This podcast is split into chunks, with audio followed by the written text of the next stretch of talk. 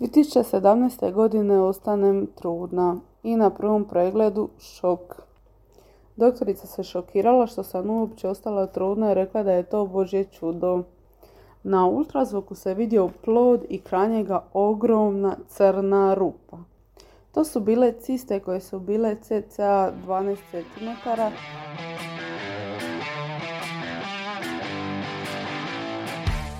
Čuli ste Brunu, devojku iz Hrvatske koja ima endometriozu. Bruna je devojka koja je ljuta na sebe jer nije ranije otišla na pregled, jer je odlučila da ignoriše simptome. Mnogo puta smo govorili o tome kako je prevencija ključ zdravlja, kako su redovni pregledi jako bitni, ali valjda smo svi navikli da idemo kod lekara samo kad je hitno. Navikli smo se na to da ne lečimo uzrok, već samo posledice. U narednih 20 minuta moje sagovornice i ja ćemo se potruditi da vam objasnimo zašto lečiti uzrok i ne čekati da dođe do ikakvih posledica. Slušate podcast na zdravlje. Moje ime je Nikolina Ilić i sa mnom ćete u narednih nekoliko meseci učiti o zdravlju. U ovom izdanju razgovarat ću sa diplomiranom naturopatkinjom i predsednicom udruženja i udruge Žuto uže Jelenom Pak, kao i sa devojkama koje imaju endometriozu Brunom Bašić, Ivanom Vasić i endoaktivistkinjom Aleksandrom Rokvić. Devojke Majda i Jelena su mi u pisanoj formi prosledile priču, koji ću vam pročitati o njihovoj borbi i životu sa endometriozom. Ono što je na mene ostavilo najveći utisak kroz razgovor sa devojkama koje imaju endometriozu je njihova snaga da o tome pričaju. Svaka priča je bila drugačija od druge, a sve su tako ličile jedna na drugu.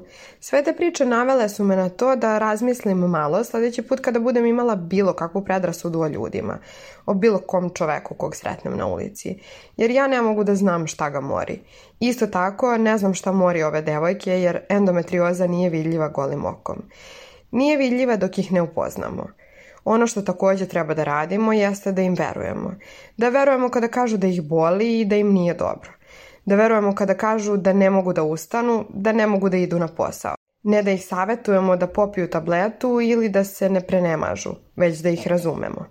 25-godišnja Bruna Bašić iz Hrvatske kaže da za razliku od mnogih devojaka na dijagnozu nije čekala predugo jer je imala divnu ginekološkinju koja je odmah objasnila situaciju. Priča počinje tako što sam još kao tineđerica imala jako bolne menstruacije i jaka krvarenja. Tad sam mislila da je to sasvim normalno da je kod svakoga isto tako. A moja malo jača priča i jače bolove počinju dvije 2016. godine kad sam skoro završila na operacijskom stolu na vađenju slijepog crijeva. CRP je bio toliko visok da su oni iznenadili što uopće stojim na nogama. I na kraju jedan doktor me niti operirati jer nije bio siguran jer to slijepo crijevo, a CRP je previsok pa me stavio na antibioticima i dva dana je pratio situaciju. A pošto se CRP smanjio, moji bolovi su se smanjili, nije me htio operirati i poslao me kući. I to je tako na tome ostalo. Ja kao cura od 20 godina sam sve ignorirala i to ostavila sa strane, niti sam više gledala što me bolio, zbog čega je CRP bio tako visok, samo sam sve to ignorirala. Jako mi je mama milion puta govorila da odem kod ginekologa, da obavim ginekološki pregled. Ja nisam tila jer pa mlada sam, šta mi može biti, to sam uvijek tako govorila. Bruno podvlači to kako je podrška jako bitna. Bitna je podrška porodice, prijatelja, ali i okoline. A život sa endometriozom je tako iscrpljujuć i težak. Tablete i boce s toplom vodom su vam najbolji prijatelji. I krevet, naravno. Iako se ja trudim da mi endometrioza toliko ne promijeni život, ali to je baš teško. Ona te ne pita gdje si, ne pita te što imaš E, tog dana zaraditi, ne pitate jel ti taj dan možeš ostati u krevet. Ona te jednostavno sašije. Ima dana kad uopće nisam za neko druženje, najrađe bi legla u topli krevet, upalila seriju i tako provela cijeli dan. A ljudi su čudni, oni ti ne vjeruju da to toliko boli. Kažu pa hajde svi imaju menstruacije, to ti je sasvim normalno. Popij jednu tabletu, bit će ti dobro. Nažalost, ja sam i jednom danu znala popiti do 10 tableta. Nemojte reći mom doktoru. Ja sam zahvalna što kraj sebe imam svog supruga koji sve ovo prolazi sa mnom i koji vidi šta sve prolazim ja, a tako i druge žene sa endometriozom. Endoaktivistkinja Aleksandra Rokvić smatra da je upravo ta podrška partnera izuzetno bitna. Kako ona kaže, najbitnije je pričati o tome sa partnerima, jer ta osoba treba da zna šta se dešava sa našim ciklusom i da ima razumevanja.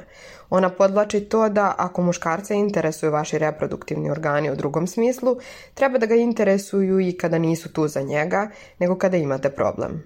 Pored podrške partnera, neophodno je izabrati i pravog doktora koji vam veruje. Jednom sam pričala sa jednim dečkom i situacija je izgledala ovako. Nekako dolazimo do teme menstruacije i endometrioze. On mene ubeđuje kako je to umišljena bol i kako je nemoguće da boli kao infarkt. Meni tu već para kreće na uši i počinjem da vičem kako on to ne može da zna. Međutim, on nastavlja svoju verziju i jedan od argumenta je pa dobro, ajde, možda boli kao kada mene neko lupi po testisima, ali ja nikada neću znati kakva je to bol jer nisam muško. Na šta mu ja odgovaram da on isto tako ne zna kakva je menstrualna bol ili kakve bolove žene trpe tokom porođaja posle toga sedim i tako razmišljam šta sam ja to čula i da li je moguće da neko uopšte tako razmišlja. Jer, ok, ja ne znam kako boli kada te neko lupi u testise, ali to je bol koja traje xy minuta i prođe, a menstrualna bol traje po nekoliko dana i ponavlja se iz meseca u mesec. Bruno je sa time imala sreće, međutim Aleksandra ne može da se pohvali prijatnim iskustvom. Ja sam svoju dijagnozu dobila kada sam potpuno poludela i počela se svađam sa doktorom i rekla da ja ću da negde drugde, želim da mi sluša koji se moj nalazi i da taj doktor stane iza toga da meni kao nije ništa. I tada odjednom se popuno promenila priča, kad sam postala jako bezobrazna. Ali ja sam postala bezobrazna u kasnim 20-ima. Sa 17, 18, 19, 20 sam samo slušala šta mi kažu i tako ja, jadna ja, sad šta ću, eto, 20 ginekologa mi reklo isto, verovatno su oni u pravu, ja nisam. Dakle, tu je malo potrebno imati i stav. Kroz razgovor sa devojkama koje imaju endometriozu na Facebooku, jedna mi je napisala nešto što me je posebno dirnulo. Kada sam je pitala da li bi mogla da mi opiše endometriozu, ona mi je odgovorila. Endometrioza izgleda užasno naporno, bolno, nevidljivo i kao tihi psihopata koji vas opseda, a vi mu ne možete pobeći psihopata koji vas osim fizički na kraju osakati i psihički. Ne samo zato što spreči žena da budu majke, već nas dovodi u stanje kada se prvo pravdamo da nas boli, a posle skrivamo jer vam eto ne veruju. I tako se vrtimo u krug kao zemlja oko svoje ose. Glumimo čarobnjake, isprobavamo sve i svašta, ne bi li pomogle i na kraju opet podlažemo nožu i raznim lekovima jer eto ne imamo izbora – Ipak, vesele nas male stvari. Dani bez boli, dani kada nosimo cipele na štiklu, kada s guštom pojedemo čokoladu, podnošljiv seks bez boli, dani kada stavimo ruž na usne, dani kada nemamo menstruaciju ni ovulaciju, zamišljamo menopauzu i nadamo se da je kraj druženja sa gospođom Endo.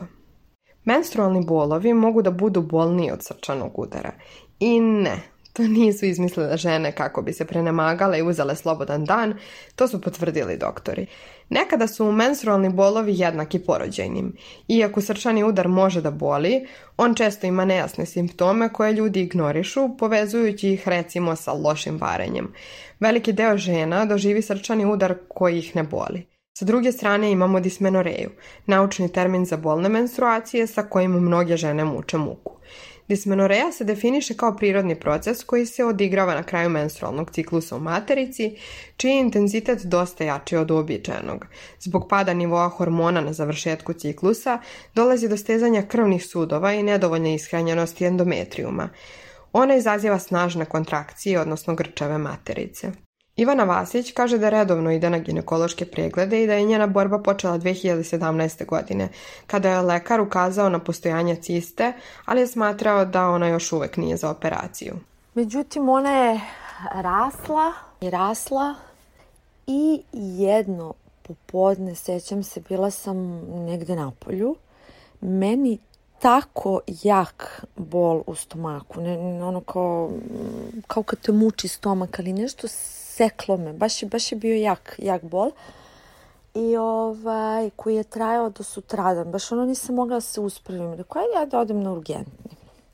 I odem na urgentni, sačekam, mene tamo prime kao hitno, hitno. Rekao, šta je bre, čoče, hitno, sad ono, uradili mi ginekološki pregled. Uh, utvrdili su da imam tu cistu i neku cistu, ja nisam tad ono kao nisu mi imenovali, kao ti moraš da ostaneš. Ako čekati sta, ne, ne, ne, ne, ne, ti moraš da ostaneš. Ako, baš su me ona uspaničili, rekao, okej, ja ostala, primili me u, u, u bolnicu, I kao čekam, otišla dali mi krevet i sad kao javljam svojima da mi donesu veš nešto šta god. Uh, Ovaj, je malo jako čudno to sve ispalo, nekako čekajte, stanite, recite mi šta je, ne, ne, ne, sve će ono, eh, u kliničkom centru to malo jako čudno, bez objašnjenja ti tako puste u bolnicu, bez bilo kakvog objašnjenja ti daju lekove, bar je moje iskustvo tako. Tako je pomalo čudno Ivana počela da se upoznaje sa endometriozom. Ona kaže da su joj rekli da ima endometriozu i da je od tad dnevno imala tri puta preglede kako bi pratili situaciju, međutim niko ništa nije preduzimao.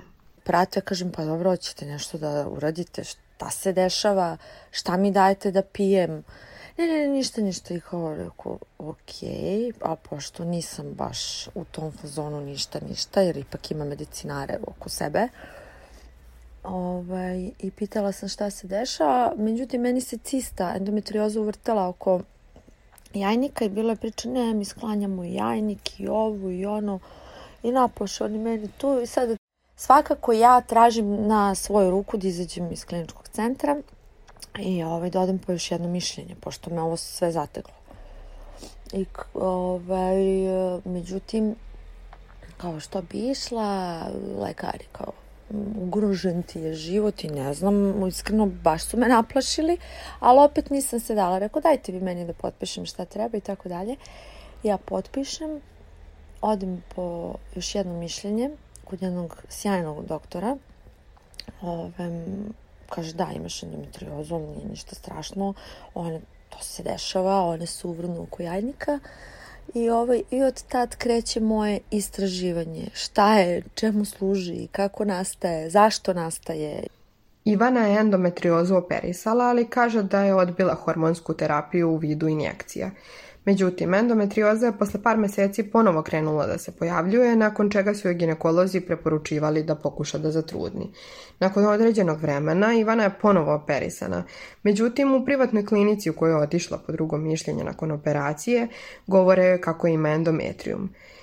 Endometrium je sluzokoža koja prekriva šupljinu materice. U toku ciklusa, pod uticajem hormona, dolazi do zadebljanja endometriuma, odnosno do pripreme koja omogućava da oplođena jajna ćelija raste u materici. Ono po čemu se Ivanino iskustvo razlikuje od iskustva drugih devojaka je stepen bola. Kaže da nikada nije imala nesnosne bolove prilikom odnosa recimo ili bolove od kojih ne može da stoji na nogama. Jedna od mojih sagovornica po imenu Majda, koja je sa mnom iskustvo sa endometriozom podelila u pisanoj formi, kaže da je za nju endometrioza bolest sa kojom će i umreti. Pomirila se sa time da je ima, ali ne i sa bolovima koje ta bolest sa sobom nosi. Kaže da je život sa endometriozom jednom rečju užasan, da su to svakodnevni bolovi, nadutost i osjećaj nemoći. Ona kaže kako su rijetki dani kada je baš ništa ne boli i njih pokušava maksimalno da iskoristi. Sada uključujemo i naturopatiju kao jedno od mogućih rešenja. A zbog čega? Jer kada x, y godina imate bolove, pa se to potvrdi kao endometrioza ili još uvek ne, svakako je do prestanka bolova teško doći, a način ishrane i prirodna medicina mogu da ih ublaže. Čućemo i kako. Složit ćete se da smo svi bar u jednom trenutku imali neprijatnu situaciju sa doktorima ili smo čekali na dijagnozu predugo. Kada kažem predugo, ja mislim na mesec ili dva. A šta je sa onima koji ne znaju svoju dijagnozu godinama? Prosek u svijetu od trenutka kada devojke odu kod doktora, dok ne saznaju da imaju endometriozu je 10 godina. Naše zdravstvo je uglavnom organizovano tako da doktori nemaju vremena da se dovoljno posvete pacijentima. Nemaju uslove da nam objasne sve što želimo da znamo, jer su redovi u čekonicama predugi. U pojedinim državama, poput Nemačke, u zdravstvo su uključene i naturopate. Naturopatija je nauka koja kod nas još uvek nije dovoljno prepoznata i često ljudi misle da ima veze sa alternativnom medicinom.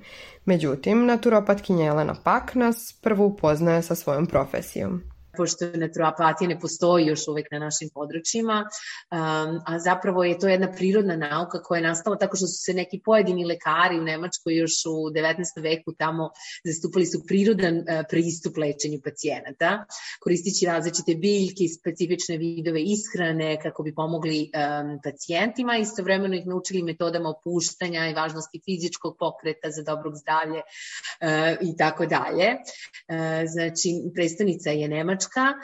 Ja sam nedavno sam postala i PNEI terapeut, što je skraćenica za psihoneuroendokrinu imunologiju i to je već e, jedna nauka koja se izuzetno razvija poslednjih godina u svetu i je zapravo ukazuje na važnost povezanosti ovih grana, znači psihoneuroendokrinologiju i imunologiju.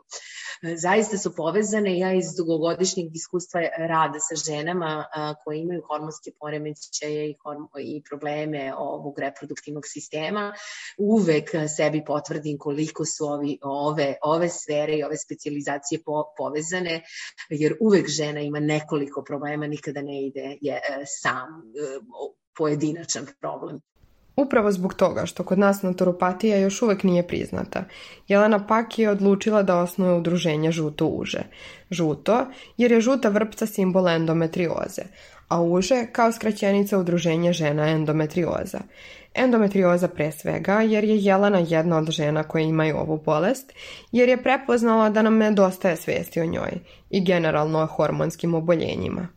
Ono na što moja sagovornica u radu sa klijentkinjama koje imaju endometriozu stavlja u prvi plan je ishrana – ishrana kao prevencija, ali i kao lek. Uglavnom, najveći problem je u tome što većina žena smatra da se zdravo hrani. Da, znači, kada dođu kod mene, on uglavnom što se dobro hranim, imam ja problem sa tim. Um, a to je malo relativna stvar, jer kada pričamo o endometriozi, uh, tu se ne radi samo o zdravoj ishrani, znači, se radi o vrlo specifično ishrani, znači ciljeno mora da se radi na tome da se ta žarišta koja postoje smanje. Tako da to nije nije samo zdrava ishrana generalno, kako mi mislimo kao ne jedemo šećer i ne znam, uh, ili eh, tako, ne, ili ne večeravamo kasno i ne jedemo picu i, i coca, ne pijemo Coca-Cola, već tu ima mnogo više od toga. Znači, zaista um, ta ishrana mora da bude specifična i vrlo često prilagođena jednoj uh, ženi uh, individualno, zato što meni je uvek važno da, da znam i kakve ona još probleme ima, koji su hormoni u disbalansu i tako dalje, jer u zavisnosti od toga takođe određuje određujemo takođe određujemo koje su to, ko, koje stvari bi ona trebala da uvede, uvrsti u ishranu, to jest izbaci iz svoje ishrane da bi došlo do nekih pomaka. A, znači, moj, moj fokus, jako je nutricionizam je glavna, glavna jedna tema naturopatije, moj fokus nije na mršavljenju, znači Znači, kod mene to nije slučaj, već je slučaj ta optimizacija zapravo pravilne ishrane kako bi e, metabolizam hormona neometano funkcionisao. Veoma često kod hormonskog disbalansa ginekolozi preporučuju kontraceptivne tablete. Ja sam recimo za tri različite stvari dobila tri različite vrste kontraceptiva. Otišla sam zbog hormonskih bubuljica, dobila sam tablete za kontracepciju. Za naradovnu menstruaciju isto tako, a i za policistične jajnike. Međutim, u poslednje vreme se dosta polemiše o tome šta su one, kako utiču na naš organizam i da li su štetne na duže staze. Nije redak slučaj da se prepisuju kao lek za endometriozu. Uglavnom lek koji će da reguliše ciklus, da ublaži bolove, a niko nas ne upozorava na kontraindikacije. Naturopatkinja Jelena Pak objašnjava da posledice mogu da budu rana osteoporoza, razna srčana oboljenja, problemi sa jetrom, što je pokazatelj da nisu tako bezazlene kao što lekari kažu današnje vreme lekari kad odete na pregled vam nekad posvete 10 minuta, ako vam i posvete 10 minuta, je, je sistem prebukiran i oni nemaju vremena uopšte da istražuju zašto, nego se leče posledice, a ne, ne leči se uzrok i tako dolazimo i do tih pilula, gde su pilule zapravo lečenje posledice um, i, i tako, da, tako da jednostavno te pilule se daju onako rutinski bez da neko uopšte proveri uh, da li i kakva je vaša tolerancija na određene kontraceptive. Znači, to se apsolutno kod nas ne radi, u svetu se radi, uh, Kod nas se apsolutno ne proverava da li vi podnosite neku kontraceptivnu pilu, nego vam se ona daje na pamet, pa kako vam bilo.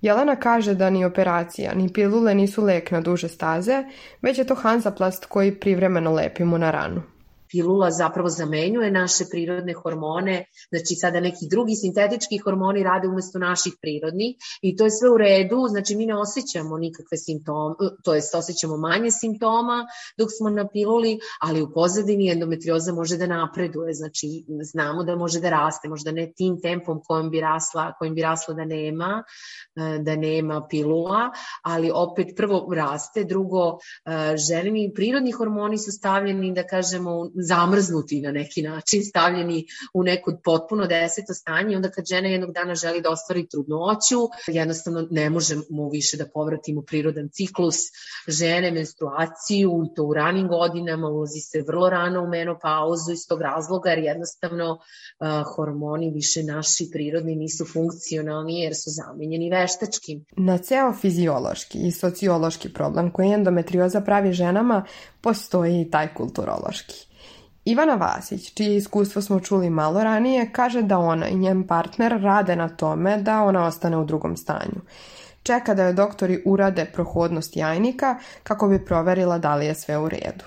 Ne kažem ja da je to do mene, naravno i partner mora da vodi računa, nego svi upru prst u ženu kad e, se nešto dešava zdravstveno po pitanju bebe i onda sve su, za sve su žene krive. To me jako nervira, ja sam to negde subtilno doživljavam od jedne gospođe, nije moja majka, i to me jako nervira i onda sam ono kao, zašto misle da su žene veliki problem? Da li ste čuli za termin bezdetena? To je termin koji se koristi za nerotkinju, za ženu koja je odlučila da ne želi da bude majka i za ženu koja ne može da ostane u drugom stanju. Meni lično je ovaj termin bio grozan i zaparao mi je uši iako ne mora da bude pogrdan. Imam veliki problem sa ovim epitetom jer društvo od žene očekuje da bude majka. Imam problem sa time što se direktno upire prstom u onu koja ovu ulogu nije ostvarila i nju društvo etiketira kao da je manje vredna. Ženama nije jedina i primarna funkcija da budu majke.